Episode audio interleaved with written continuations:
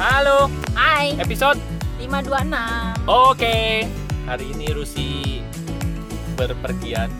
Jadi Ya. satu hari gue bareng anak-anak di rumah. Gimana Dan rasanya? Sepi, Makin sepi. sepian. Saya ah, tidak bisa jauh dari kamu. Udah mau Oke lah. dijemput jam 2. Iya. Gue tadi ngantar barang, gitu kan. Gue pikir ah, sekalian jemput, eh ternyata belum selesai. Dan ternyata dia baru pulang jam 5, hampir setengah 6 tadi. Maaf ya. Iya deh. Oke lah. Nah, teman-teman kita mau ngobrolin soal nah ini nih. Ini beberapa hari ini datang lagi Dalam berbagai pesan dari berbagai topik, tapi benang merahnya sama. sama, yaitu membaca Baca pesan. membaca pesan ya. Jadi kemarin Rusi ikut eh, webinarnya Ayah Edi ya. Aduh, ini bagus banget. Keren banget, Hmm, bagus banget. Nanti ya kalau ada infonya, karena eh, kemarin itu Ayah Edi diundang sama Abu Marlo Iya. di komunitasnya dia ya, namanya dialog positif apa positif dialog ya. Iya. Nah, rencananya mereka akan mau adain kayak eh, sesi rutin untuk bahas satu topik membaca pesan ini bisa 5 sampai 10 kali pertemuan. Wih. Nanti kalau udah tahu, mungkin nanti gue bisa na- Share mungkin ya. nanti kita share ya infonya gitu. Karena itu keren banget buat Ja- para orang tua. Betul. Jadi yang Ayah Edi sampaikan adalah membaca pesan-pesan Tuhan di dalam, Dalam diri, diri anak. Bagus banget tuh kemarin Ayah Iya. Edi cerita bahwa gue juga sering bilang bahwa waktu anak lahir itu kan gak ada manual booknya katanya gitu ya. Betul. Tapi tadi malam dibahas bahwa sebetulnya waktu anak lahir ada manual booknya dan manual booknya itu tertanam di dalam dirinya si anak sendiri asal Jadi si orang tuanya mau membacanya.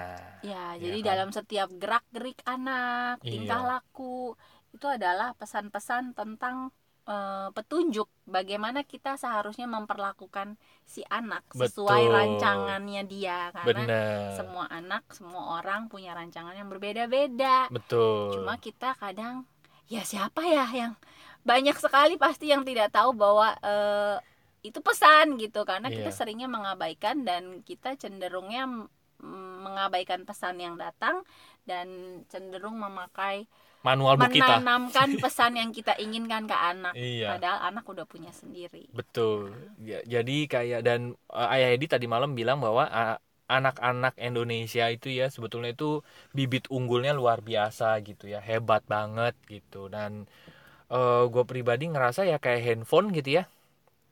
Handphone misalnya handphonenya ini anti air, tapi kita nggak berani nye- nyemplungin dia ke air gitu ya, karena pikir ah nanti kalau dimasukin rusak. Tapi memang sebetulnya dia punya kemampuan itu gitu. Karena kita nggak tahu bahwa kita terbiasa dengan handphone yang kalau dicemplungin mati gitu kan ternyata dia sebetulnya punya kemampuan yang hebat banget gitu. Atau kebalikannya. Iya. Harusnya dibersihinnya pakai lap kering. Misalnya kayak laptop ya. Heeh, dibersihinnya cuma pakai lap kering atau lap basah sedikit. Iya. Tapi karena kita nggak tahu kita bersihinnya dengan cara dicuci pakai sabun. Cemplungin Yang ada- konslet deh. Dan begitu konslet kita menyalahkan. Kok kamu konslet? Padahal Ya, tan- manual booknya nggak dibaca. Iya. Kenapa saya disiram gitu kan pertanyaannya? Nah, Ya. itu yang pertama kita mendapatkan wah iya ya membaca pesan-pesan Tuhan dari diri anak. Nah dua hari ini dan terutama hari ini gue baca buku Divine Matrix. Dan diulang lagi tuh itu hal ini gitu tentang membaca pesan iya Nah dia yang ini gue baru denger nih dari Ari Begitu gue pulang Gue nyampe Gue tanya Kamu lagi ngapain? Baca buku iya jadi eh, sebetulnya ini kita udah ulas di hari kelima gerakan berkelimpahan dengan berkesadaran Oke gitu ya. Jadi buku ini meyakinkan lagi. Jadi dia cerita gini bahwa alam semesta ini gitu ya, itu Hmm. bener-bener cermin dari diri kita. Dan itu bener-bener refleksinya sempurna dia bilang. Jadi cermin itu kan nggak bisa salah ya maksudnya. Ya udah kalau lo ngaca begitu ya tampilan lo begitu fisiknya. Hmm. Ya kan nggak mungkin kalau kayak gua botak di cermin tiba-tiba gondrong gitu kan nggak bisa. Ya kan. Oke Jadi itu refleksi bener-bener refleksi kita. Nah, cuman bagi kita yang tidak biasa bercermin itu akan menimbulkan kekagetan yang luar biasa. Contoh, lo pernah lihat nggak hewan pertama kali ketemu kaca? itu kan kaget. kan? Dia ngelihat dirinya sendiri gitu ya. Dia pikir tuh orang atau gimana ya? Atau ada yang siapa pengen gitu. ada yang pengen nyerang. Iya. Ada yang kabur. Betul. Jadi kalau misalnya gue pernah lihat tuh ya eh, monyet di depan kaca gitu ya. Dia nyerang kacanya dia juga ngerasa bahwa si yang di dalam kaca itu nyerang dia gitu kan tapi kan bener-bener refleksi kan kalau gua nyerang diserang tuh sama dia gitu ya Iya. kalau gua mundur dia ikut mundur gitu Iya. kan kalau gue senyum dia ikut juga senyum, Iya. gitu jadi semesta itu memberikan refleksi sempurna selayaknya cermin dia bilang gitu Hmm. Nah, cuman sebagian besar orang itu tidak menyadari, tidak pernah berkaca dia bilang, nggak pernah berkaca dengan semesta gitu. Sama kayak tadi binatang yang baru pertama kali ketemu kaca, ini siapa, ini apa kok yang datang begini gitu. Ya, Dia kaget luar biasa. Nah, yang menarik adalah dia juga bilang setiap kejadian yang hadir dalam diri kita ke dalam hidup kita, baik itu kejadian setiap hari, reaksi tubuh gitu ya. Itu adalah bentuk komunikasi semesta, bentuk cerminan semesta tentang keyakinan-keyakinan yang ada di dalam diri kita gitu. Jadi kalau kita ngaca, yang tertampil itu kan bentuk fisik ya. Tampilan fisik kita. Tapi semesta itu menampilkan cermin batin kita gitu. Hmm. Nah, cermin yang ada di dalam itu itu semesta yang punya gitu. Nah, misalnya kita punya satu kejadian ya, kita ad- ada sebuah kejadian datang di dalam kehidupan kita, sebenarnya semesta tuh mau ngasih tahu, eh eh, ini yang ada di dalam lo. Lo mau pakai apa enggak gitu.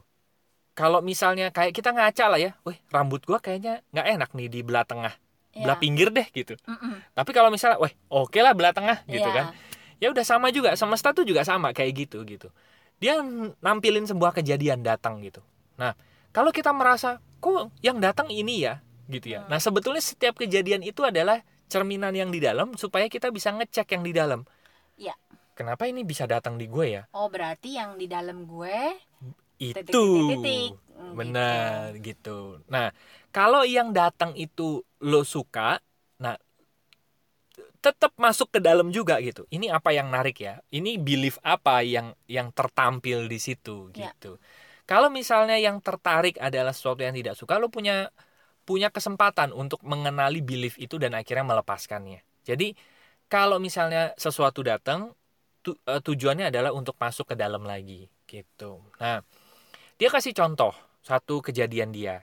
Jadi se- suatu ketika dia didatengin seorang temennya ya yang ngarang buku ini ya si Greg Braden itu. Dikasih anak kucing. Dari dia tuh nggak nggak terlalu nggak suka binatang sebetulnya si Greg Braden ini. Dari dulu nggak pernah pelihara hewan lah gitu. Hmm. tiba-tiba ada temennya datang eh, ngasih dia anak kucing gitu. Dia Oke. ngelihat kok anak kucing ini lucu banget gitu kan. Iya. nah akhirnya dia ya udahlah gue pelihara anak kucingnya itu gitu Hmm. Terus eh, karena di apartemennya itu dilarang memelihara hewan, akhirnya dia memutuskan memelihara tapi sembunyi-sembunyi lah intinya kayak gitu ya. Ah ya oke. Akhirnya dia ngelatih kucing itu, pokoknya eh, kamu nggak boleh di tempat ini di atas meja makan di sini di sini sini nggak boleh tempat kamu di Hmm, sini gitu intinya hmm. gitu ya supaya dia aman juga dari pengawas apartemen Yes. dan apartemennya nggak berantakan gitu kan. Oke. Setiap dia pulang kerja, dia mendapati kucingnya tuh selalu di tempat yang memang dia sediakan. Oh bagus Hmm. berarti nih bisa dilatih gitu ya. Iya. Nah, suatu, suatu ketika dia itu kayak pulang lebih awal gitu ya.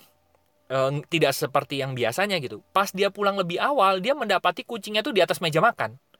Dia kaget. Hmm. Loh. Kegap. Kok dia di atas me- meja makan gitu kan? Oke. Apa dia udah mulai melanggar atau jangan-jangan dia mikir gini, kucing gua udah mulai nyebelin kayaknya nih itu ya. Hmm. Atau jangan-jangan dia memang tahu polanya. Saya datang jam segini gitu ya. Iya. Nah, akhirnya dia ngetes. Begitu dia nget dia ngetes dengan pura-pura pergi, tapi sebetulnya dia sembunyi di balik korden atau apa gue lupa gitu. Dan waktu dia pergi, dia mengamati aktivitas kucingnya. Dan aktivitas kucingnya itu bener-bener di di tempat-tempat yang dia larang. Di semua meja tempat yang dia larang dia dia, Dia- datengin. Iya, di apa? Di atas meja makan, di mana, di mana. Wow, dia mau meledak tuh di situ, gitu ya. Pas dia mau meledak, dia meng- dia nginget ini gitu, bahwa semua Apa yang peristiwa yang datang. dalam kehidupan kita itu sebelah kesempatan kita untuk bercermin ke dalam. Oke. Apa yang membuat dia langsung mikir gini, loh, apa yang membuat ya teman-teman gua tiba-tiba datang, teman saya datang nawarin melihara kucing gitu. Mm-mm. Itu kan sebuah kejadian sebetulnya kan. Mm-mm.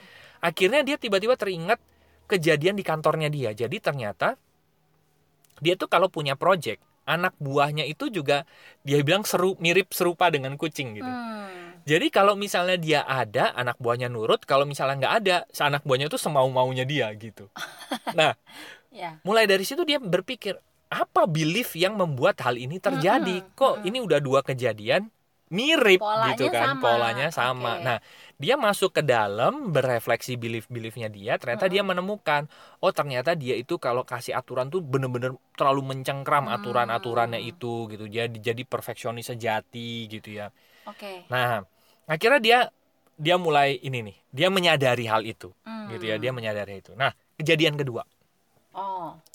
mamanya Oke. Jadi mamanya ini punya seekor pelihara, peliharaan juga. Kayaknya si anjing. Namanya gue lupa namanya siapa ya. Ada dia sebutin anjing. Tiba-tiba anjingnya ini kayak sakit gitu. Mm-mm. Dibawa mamanya ke dokter hewan. Lalu di ronsen ternyata ada bercak di paru-paru anjing tersebut. Ah. Nah dokter hewannya bilang gini. Ini nggak pernah terjadi nih. Mm-mm. Kan anjing ini sehat kok tiba-tiba ada bercak Mm-mm. gitu.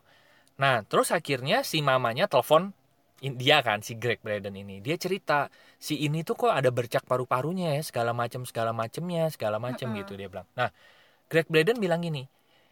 Dia cerita bahwa semua yang tercermin di luar itu adalah cara semesta untuk ngasih tahu ke kita apa yang ada di dalam? apa yang ada di dalam. Hmm. Terus si Greg Braden coba mama cek juga. Dia Oke. cek segala macam segala macam. Nah, pas dicek apa yang terjadi? Mamanya juga punya bercak paru-paru. Gitu. Mamanya punya bercak paru-paru Hmm. dan ternyata bercak itu adalah tanda paling awal kalau nggak diterusin dia akan kena kanker paru-paru. Begitu Tapi, dokternya oke. nge- ngeliat oh ada bercak segala macam kayak gitu, langsung dikasih tindakan dan Oke. dokternya bilang, "Wah, kamu beruntung banget tahu ini dari awal." Jadi bisa tertangani dan ibaratnya bisa bersih kalau Iya. di, masih di stadium itu ya. Bener Wah, gitu. gila keren ya. Dan begitu clear semua ya, yang di mamanya clear, bercak di anjingnya clear. Anjing itu reflektor luar biasa Iya. ternyata ya. gitu. Dan Hmm. si anjingnya ini akhirnya dia bisa hidup sampai enam tahun lagi. Jadi ibaratnya akhirnya anjing ini meninggal di usia 15 tahun, tapi kalau ya di tua di iya di, kalau di usia manusia tuh kayak usia 100 tahun Iya. gitu. Jadi me- meninggal tua Tinggal lah. tua ya, sehat Gitu. berarti kan sampai tua. Iya. Nah, mamanya juga bilang, "Loh, kok mama bisa ya kena ini bercak paru-paru yang berakibat ini?" Karena hidupnya sehat, terus apa namanya? berkebun iya. segala macam segala macamnya itu. Nah, itu terus dia bilang dia cuma bilang bahwa baca yang datang karena itu adalah cerminan yang di dalam. Hmm. Wah, gue pikir gila ya. Begitu, gue cuman pikir gini ya, ya bener kata ayah Edi itu ya. Kalau kita bisa membaca, kalau ayah yang membaca pesan Tuhan dalam diri anak, kita jadinya jadi bersyukur terus gitu. Gue juga setelah, ya, ka- karena kita bisa ngelihat gitu, ih, ya anak gue ternyata hebat ya. Ternyata dia memang diciptakan desainnya tuh desain bibit unggul gitu kan. Nah begitu gue tahu tadi gue baca buku itu gue juga pikir gila, gila ya. Semesta tuh baik luar biasa ya gitu. kita udah selalu dikasih tahu setiap saat ya. Iya, cuman kitanya aware apa enggak terhadap Hmm. hal-hal yang datang itu gitu. Ini menarik banget dan Nah. ya. Dia bilang ada tiga hal, ada tiga inti yang membuat sebetulnya eh, realita yang di luar itu terhambat. Jadi dia bilang ini, kalau kita punya impian nih, kita punya cita-cita, Oke. terus ternyata kok yang muncul tantangan, yang Oke. muncul hambatan, Mm-mm. terus yang muncul kayaknya kok susah ya gitu. Mm-mm, mm-mm. Nah, ada tiga hal yang membuat itu terjadi dan eh, kita perlu cermati peristiwa-peristiwa yang datang dan biasanya peristiwa-peristiwa yang datang itu gara-gara tiga hal ini Oke. gitu. Yang pertama gara-gara takut keterpisahan. Dia bilang. Jadi Hmm. ketakutan tuh ada macam-macam, tapi paling banyak tuh takut keterpisahan. Oke. Keterpisahan itu contohnya misalnya waktu ka- eh, waktu kecil kamu takut nggak jauh-jauh dari orang tua kamu gitu. Iya, mm-mm. Nah, kayak gitu tuh. Terus coba cek dalam peristiwa hidup kamu, kamu lebih suka meninggalkan orang lain atau ditinggalkan?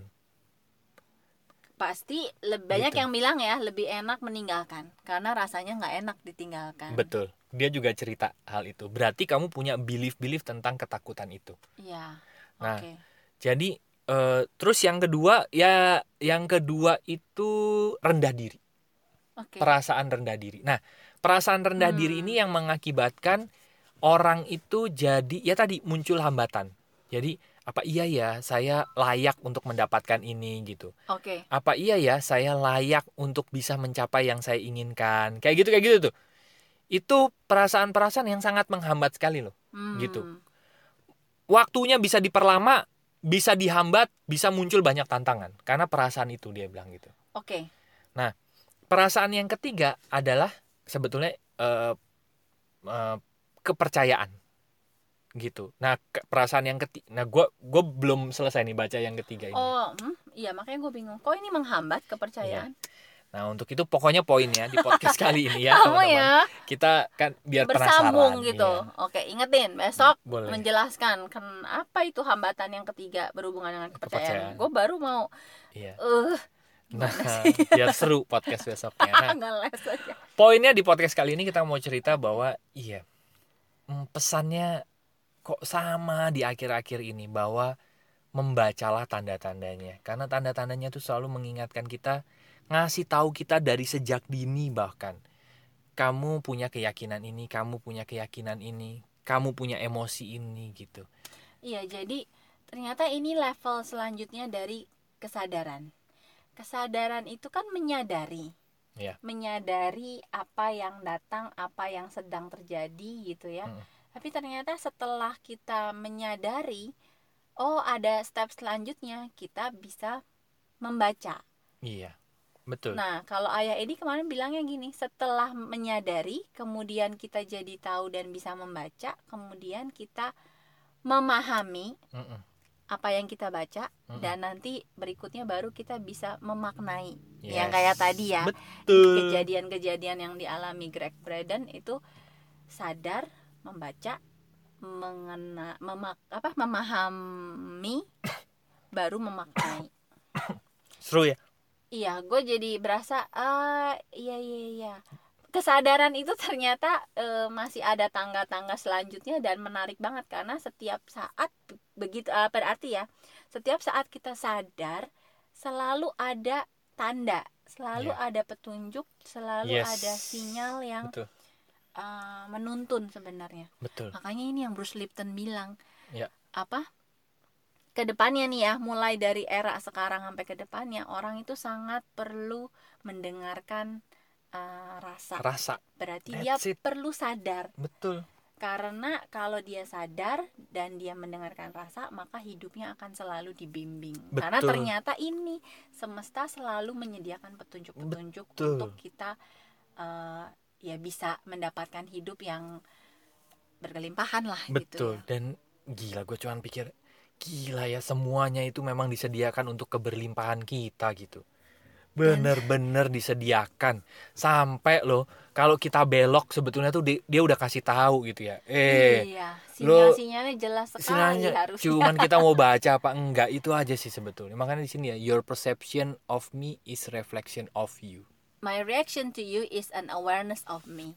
Dua-duanya ini ya, eh, Menarik ya. melihat berani melihat refleksi, Iya. menyadari juga bahwa apa yang terjadi di luar itu ternyata refleksi dari apa yang terjadi di dalam Iya. dan kemudian menyadari apa yang mau kita perbuat terhadap refleksi yang kita sadari That's gitu. it gitu. Kan jadi enak sebetulnya ya kalau udah ngaca gitu ya.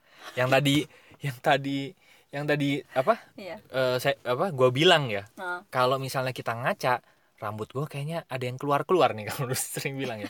ya udah dah di blow deh gitu kan. Kan bisa kan gitu ya. Membantu sekali gitu untuk kita bisa betul. berpenampilan yang eh, sesuai yang kita inginkan kan sebetulnya. Betul. Gitu. Kayak orang kalau ngomong sama kita, terus kok dia kayaknya ngeliatin ke gigi. Begitu kita Iya. ngaca, oh ada cabe. Bener. Aduh, sungguh baiknya semesta Ya, ini. berarti selalu ada tanda-tanda yang diberikan untuk membimbing kita. Yes, Asal dan kita sadar. betul. Dan dan semua mau. itu untuk keberlimpahan kita. Oke deh, Aduh semangat deh. Baiklah teman-teman, buat teman-teman yang masih ngobrol bareng kami silahkan masuk aja ke website kami yaitu lompatanhidup.com nanti ada tiga page di sana. Yang pertama ada home buat ngobrol, buat cicat, buat kayak sudut pandang, minta topik gitu ya. Tolong dong topik ini bahas. Boleh, silahkan klik aja di tombol WA-nya nanti akan terhubung dengan WA kami. Oke. Lalu page kedua ada ada konseling dan event buat Buat- teman-teman yang butuh layanan untuk terapi, konsultasi, konseling yes. atau meng- eh, human design atau mengundang kami bicara di event masuk Ya. aja ke page yang konseling dan event nanti ada Ya. tombol WhatsAppnya. Ya, dan di page yang terakhir ada gerakan berkelimpahan dengan bersadaran. Nah, ini seru banget gitu ya. Eh a- tulisannya udah panjang sih di situ sebetulnya, Ada tapi ya. preview singkat aja. Jadi kami semakin menyadari bahwa yang tadinya kita pikir tujuan, baik kekayaan, keberlimpahan, nama Hubungan, baik, hubungan yang ya. enak. Kita pikir itu tadinya tujuan, itu ternyata hanya akibat. Akibat dari melepas, melepas, melepas apa yang tidak selaras di dalam diri. Dan Ya. itu bisa kita lakukan dengan berkesadaran. Yes. Makanya kita berikan nama gerakannya adalah berkelimpahan dengan berkesadaran. Itu nanti ada kelas WA 5 harinya, teman-teman. Kalau teman-teman tertarik, silahkan masuk aja, klik tombol WA-nya nanti akan terhubung dengan. Ya. Oke, terima kasih teman-teman sudah mendengarkan episode. 526. Semoga bermanfaat dan sampai jumpa di episode berikutnya. Thank you, bye-bye. See you.